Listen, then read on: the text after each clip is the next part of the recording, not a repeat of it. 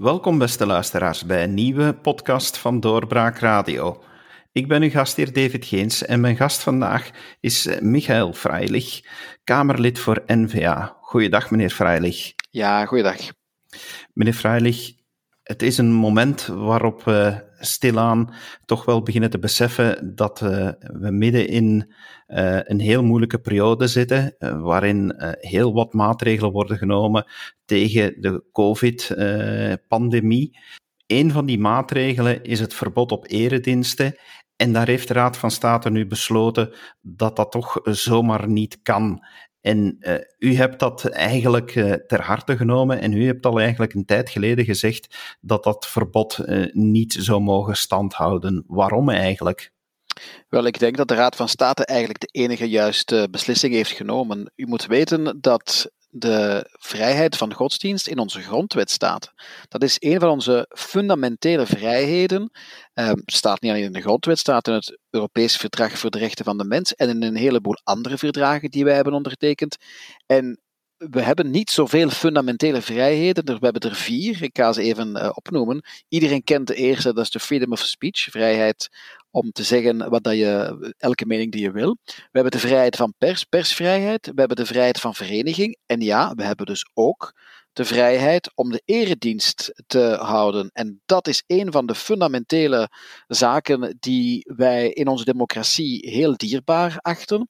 Wat betekent dat de Raad van State gezegd heeft dat op het moment dat men de beslissing maakt dat ook niet-essentiële zaken open kunnen, zoals gaan shoppen, naar musea, gaan zwemmen, je het dan eigenlijk niet kunt maken om het geloof om godsdienst niet te gaan toelaten. Want dan geef je eigenlijk het signaal dat de godsdienst minder dan niet essentieel is. Dat is natuurlijk niet de bedoeling. Dat is duidelijk. Maar waarom uh, ja, moet, moet godsdienst dan toch wel voorrang krijgen? Zullen sommigen nu opperen op andere grondrechten, want de Raad van State heeft nogal moeten antwoorden op vragen met betrekking tot grondrechten. En telkens heeft zij het belang van de volksgezondheid toch vooropgesteld en deze keer niet. Waar zit nu het verschil? Wel, het gaat erom de proportionaliteit. De, het houden van een eredienst werd door de maatregelen volledig uh, stopgezet. Je kon geen enkele eredienst meer houden. Um, dus dat is ten eerste heel verregaand. Maar nogmaals, de vrijheid om te gaan shoppen, de vrijheid om samen te komen en sociaal een pin te gaan pakken, dat is geen fundamentele vrijheid. Dus wat beoogt een uh, verbod om na middernacht nog op straat te gaan. Wat is daar de bedoeling van? Dat is eigenlijk heel simpel. De bedoeling is ervoor te zorgen dat mensen niet sociaal uh, bij elkaar komen. Want dat is een van de grote bronnen, een van de grote problemen. Mensen die uitgaan, die gaan drinken. Dus als je voor, als je voor die avondklok gaat kijken, je mag wel de deur uit om te gaan werken met een attest, als je ziek bent, als er iets belangrijk is. Dus de reden om een avondklok in te stellen is eigenlijk ervoor te zorgen dat de sociale contacten worden beperkt. Maar, nogmaals, in de grondwet staat er niet dat het verplicht is de vrijheid om een pin te gaan pakken of een sociaal leven te hebben. Dus dat moeten we inderdaad gaan inperken. En als men dat moet doen met een uh, avondklok, dan moet men dat doen met een avondklok, maar dat is niet disproportioneel, want de mensen kunnen nog altijd via Zoom met elkaar in contact zijn, de mensen kunnen nog overdag buiten uh, enzovoort. Maar wat men ziet bij de inperking van godsdienst, is dat men dat volledig aan banden heeft gezet. En dat kan natuurlijk niet. En ook in heel Europa, of eigenlijk in heel de wereld, denk ik dat België daar het verst in ging. Frankrijk, die hebben toen gezegd: wij laten 30 man toe in een religieus gebouw. Zelfs daar heeft de Franse Conseil d'État gezegd van sorry, dat is zelfs niet proportioneel. Dus u ziet dat wij ook hier op dat vlak in, um, in België vrij geïsoleerd stonden. Nederland heeft de eredienst zelfs nooit verboden. Voor is een evidentie dat men zoiets niet verbiedt.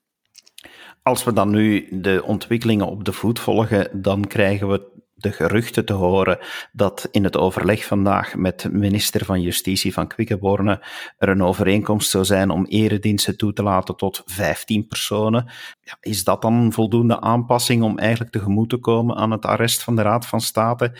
En tweede deel van de vraag, is dat voldoende om tegemoet te komen aan de vraag van de gelovigen?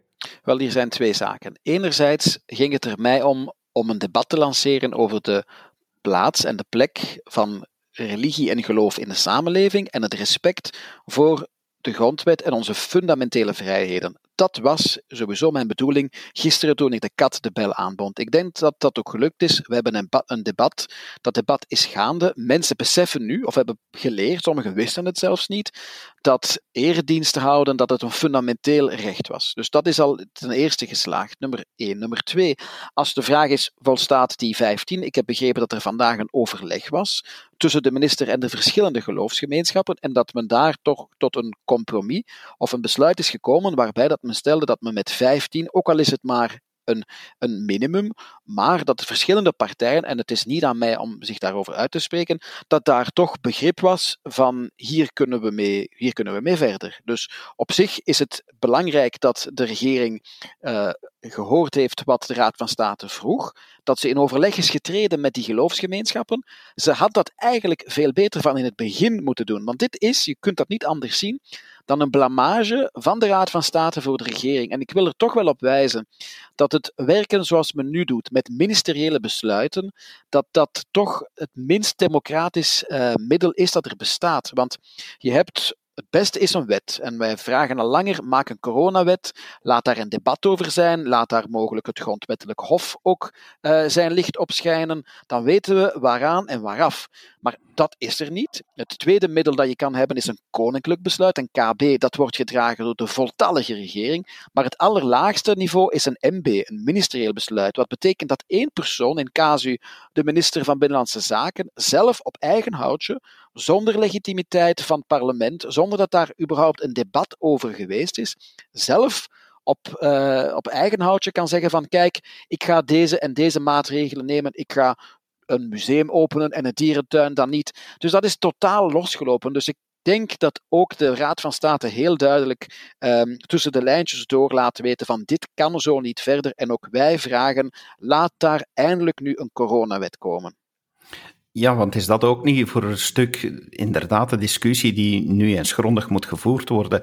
Want er zijn uiteindelijk nog andere grondrechten, zoals bijvoorbeeld de heiligheid van het eigen huis, die toch ook zonder meer op de schop worden geplaatst uh, door te zeggen dat de politie kan, kan binnenvallen uh, op basis van een artikel die eigenlijk bedoeld is om, om heel acute situaties, zoals een moord bijvoorbeeld die gaande is, om die te verhinderen. Zijn dat geen grondrechten die ook beschermd moeten worden?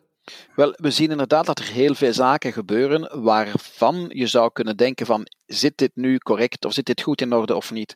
Bijvoorbeeld in Antwerpen hebben we gelezen deze week dat de politie het cameranetwerk gebruikt om mensen te bespioneren. En als ze zien dat er iemand met 15 pizza's rondloopt, dan zeggen ze van, ah ja, we hebben beet, laten we die eens volgen, waar gaat die binnen? En dan sturen we daar een ploeg op af.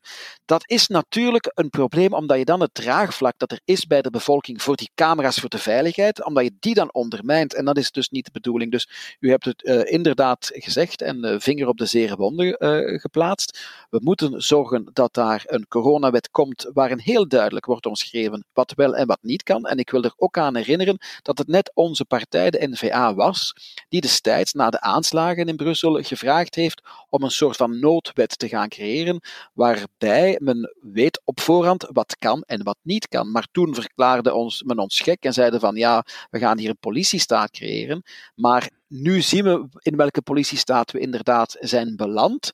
En het ergste is, niemand weet exact wat wel en wat niet kan, want ook die ministeriële besluiten, daar komen elke week FAQ's over, Frequently Asked Questions, fax noemt men dat.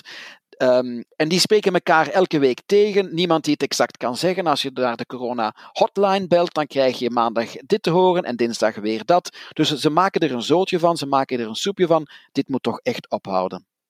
Ja, het is zelfs blijkbaar moeilijk voor uw eigen partijvoorzitter, die als burgemeester van Antwerpen ook de orde moet handhaven en ook uitspraken doet die, die suggereren dat hij de politie wel, wel vergaande macht wil geven.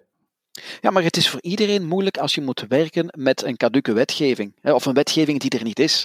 Want nu moet de politie handelen op basis van een ministerieel besluit. Dat ministerieel besluit is niet altijd duidelijk, moet worden geïnterpreteerd. Wat betekent dat juist? Wat kan wel, wat kan niet? Dus we vragen en wij herhalen die vraag Maak het niet moeilijker dan het is. Zorg ervoor dat dit signaal van de Raad van State toch eens grondig wordt gehoord. Werk aan een coronawet, één. En een tweede, laten we teruggaan naar het begin. Vergeet de gelovigen niet. Hè? Want mij was het ook te doen om het mentaal welzijn. We horen zoveel mentaal welzijn van de mensen en dat is uiteraard superbelangrijk. We moeten dat blijven herhalen. En dan hebben we gezien de bloemenwinkels of de plantenwinkels, de doe-het-zelverzaken, die mochten opengaan. Waarom? Omdat we zorgen dat de mensen thuis iets hebben om zich mee bezig te houden. De singles die mochten twee mensen ontvangen. De jongeren, daar zijn talloze programma's opgesteld met hulp van, van op alle niveaus, uh, Vlaams niveau, federaal niveau, psychologische hulp, andere zaken die we kunnen doen voor hen. Dus het mentaal welzijn van de mensen is heel belangrijk. Maar je hebt ook een groep die eigenlijk vergeten was tot nog toe, en dat zijn de gelovigen. Dus nu heeft uh, minister van Quickenborne gezegd: ja, ik ga in dialoog en contact uh, treden met die, met, die, met die groep. Heel goed. Het had eerder moeten gebeuren. Daar heeft u een punt, want ik stel ook met u vast dat in de reacties vandaag, zeker die op de sociale media, dat gelovigen quasi de onderste kasten zijn op de maatschappelijke ladder. En dat veel mensen reageren met, ja, moet er nu een uitzondering gemaakt worden voor religie? Moet daar rekening mee gehouden worden? Er zijn alle andere zaken die eerst moeten bekeken worden. En dat vindt zelfs zijn weerslag in de politiek. Zelfs een partijvoorzitter zoals meneer Lachaert eh, en zijn voorgangster eh, mevrouw Rutte hebben toch eh, vandaag tweets verstuurd die niets aan de verbeelding overlaten wat dat betreft. Ja, u hebt gelijk. Dat, is, dat was redelijk hallucinant. Um, die zei van ja, voor mij is voetbal heilig en ik wil dan ook naar het voetbal gaan. Sorry, maar ik vind dat eigenlijk bijzonder uh, onrespectvol voor de mensen die gelovig zijn. Dat men eigenlijk, um, ja, als men ziet dat men met, met goede argumenten niet haalt, dat men de ander dan belachelijk maakt. Want dat is effectief wat dat hij hier doet. Dat is, dat is heel pijnlijk. Iedereen weet dat dat natuurlijk niet hetzelfde is.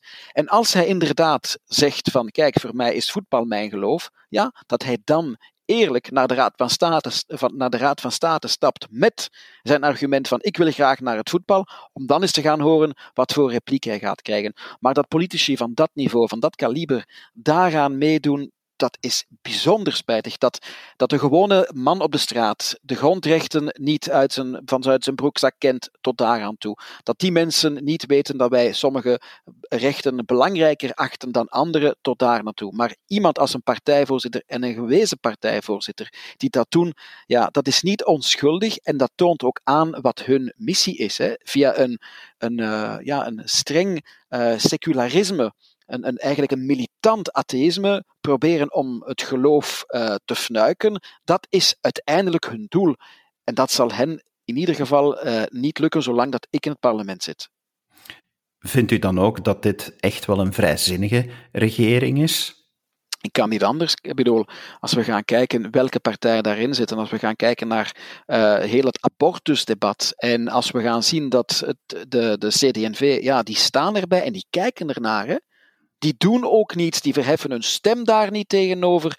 Ik stel mij de vraag van die C in de CD&V, waar staat dat nog voor? Uh, sorry, uh, maar ik, ik, ik heb eigenlijk niet begrepen hoe dat die partij, die toch zegt op te komen voor de gelovigen, dat zomaar heeft laten passeren. Vandaag hoor je alle grondwetspecialisten die zeggen van het is een evidentie dat zoiets tegen de grondwet is, ja, dan had de VLD, eh, sorry, de CD&V dat van in het begin ook moeten laten blijken van jongens, dit kan je toch niet maken. Maar we hebben ze niet gehoord, dus voor mij is dit een militant atheïstische regering en het toont nog eens aan dat de, het respect voor geloof heel ver weg is, zeker bij deze regering. En nogmaals, het gaat mij er niet om om te zeggen dat gelovigen beter zijn of meer rechten hebben, maar dat is ook vaak een verhaal. Ja, maar een gelovige heeft meer rechten. Nee, nee, nee. Een gelovige heeft rechten en daar gaat het om. En wat de, wat de VLD wil doen, is al die rechten weghalen. Maar de scheiding van kerk en staat, dat betekent niet hè, dat de, dat de regering of dat de staat haar wil kan opleggen en zomaar de, het geloof kan, kan uitschakelen of afschaffen. Dat is zeker niet de bedoeling van die scheiding van die kerk en staat. De zaak voor de Raad van State was ingeleid eh, door een aantal mensen uit de Joodse gemeenschap. Hoe komt nu dat net de Joodse gemeenschap zich zo heel sterk voor deze zaak heeft ingezet? Wel, ik denk dat het uh, ook zo is dat heel veel van de wetgeving die je nu zag, eigenlijk op maat was geschreven van de Rooms-Katholieke Kerk. Ik geef een voorbeeld. Uh, een huwelijk mocht plaatsvinden met zeven man. Dus je had een voorzanger, je had de getuigen, je, je had dus uh, het, het bruidspaar. Um, en daar waren ze dan gelukkig mee. Alleen is het zo dat bijvoorbeeld om te huwen in de Joodse wet, moet je met tien mannen zijn en uh, niet met zeven. Dus had de Joodse gemeenschap eigenlijk ook geen optie. Wilde iemand trouwen voor de kerk, dan kon dat. Wilde iemand trouwen voor de synagoge, dan kon dat niet. Dus daar borrelde initieel ook um, de, het op bij de, de Joodse gemeenschap van eigenlijk zijn wij hier totaal aan de kou gelaten. Maar laten we toch solidair zijn en wachten. Hopelijk worden deze maatregelen op een bepaald moment wel versoepeld. Zeker als we zien dat zwemmen hè, bijvoorbeeld wordt toegelaten of een museum gaan bezoeken. En toen kwamen ze van een kale reis thuis. Toen zagen ze van jongens, dit gaat hier nog heel lang uh, blijven duren. Uh, en lijkt het alsof het duidelijk is dat de VLD een ander plan heeft, namelijk de, het geloof uh, in, in de kiem smoren, voordat er. dus dit is voor een manier voor hen om, om ook aan, aan, aan dat militant atheïsme te gaan doen. Dan hebben een aantal mensen gezegd: ja, goed, er is geen andere mogelijkheid meer dan naar de Raad van State te stappen. U verdedigt duidelijk uh, de zaak van, van gelovigen, breder dan, dan uw eigen geloof. Gaat dat in de toekomst nog zichtbaar zijn in andere ethische dossiers? Voor mij is zeker en vast, het is een evidentie, ik heb dat ook gezegd, ik zit niet in het parlement enkel als Jood en enkel namens een gemeenschap. Ik ben er voor iedereen. En ik vind dat de stem van de gelovigen vandaag in het parlement niet wordt gehoord. En dat het dan ook mijn taak is om die, om die te laten klinken. En voor elke gelovige maakt niet uit of dat, dat een Joodse gelovige, een moslimgelovige, een katholiek, een protestant, die stem ontbreekt spijtig genoeg in het maatschappelijk debat. En als zich dat herhaalt, dan ga ik dat inderdaad doen. En ik heb dat ook gedaan, bijvoorbeeld in het dossier een aantal maanden geleden, uh, over uh, de verruiming van, van euthanasie. Waarbij dat ik gezegd heb van sorry, maar wat hier op tafel ligt, ik kan daar in eer en geweten niet voor stemmen. En ik was één van de twee op 150 parlementsleden die daar hebben tegengestemd. Meneer Freilich, hartelijk dank dat u de tijd hebt genomen vandaag tussen eh, de vele gesprekken door om dit even toe te lichten in onze podcast. Dank u wel daarvoor. Graag gedaan en fijne avond. En u, beste luisteraar, dank u wel dat u geluisterd hebt en graag tot een volgende podcast. Dag. Dit was een episode van Doorbraak Radio, de podcast van doorbraak.be. Volg onze podcast op doorbraak.be/radio of via Apple Podcasts, Overcast of Spotify. Bezoek ook onze website op doorbraak.be en steun ons door een vriend te worden van Doorbraak.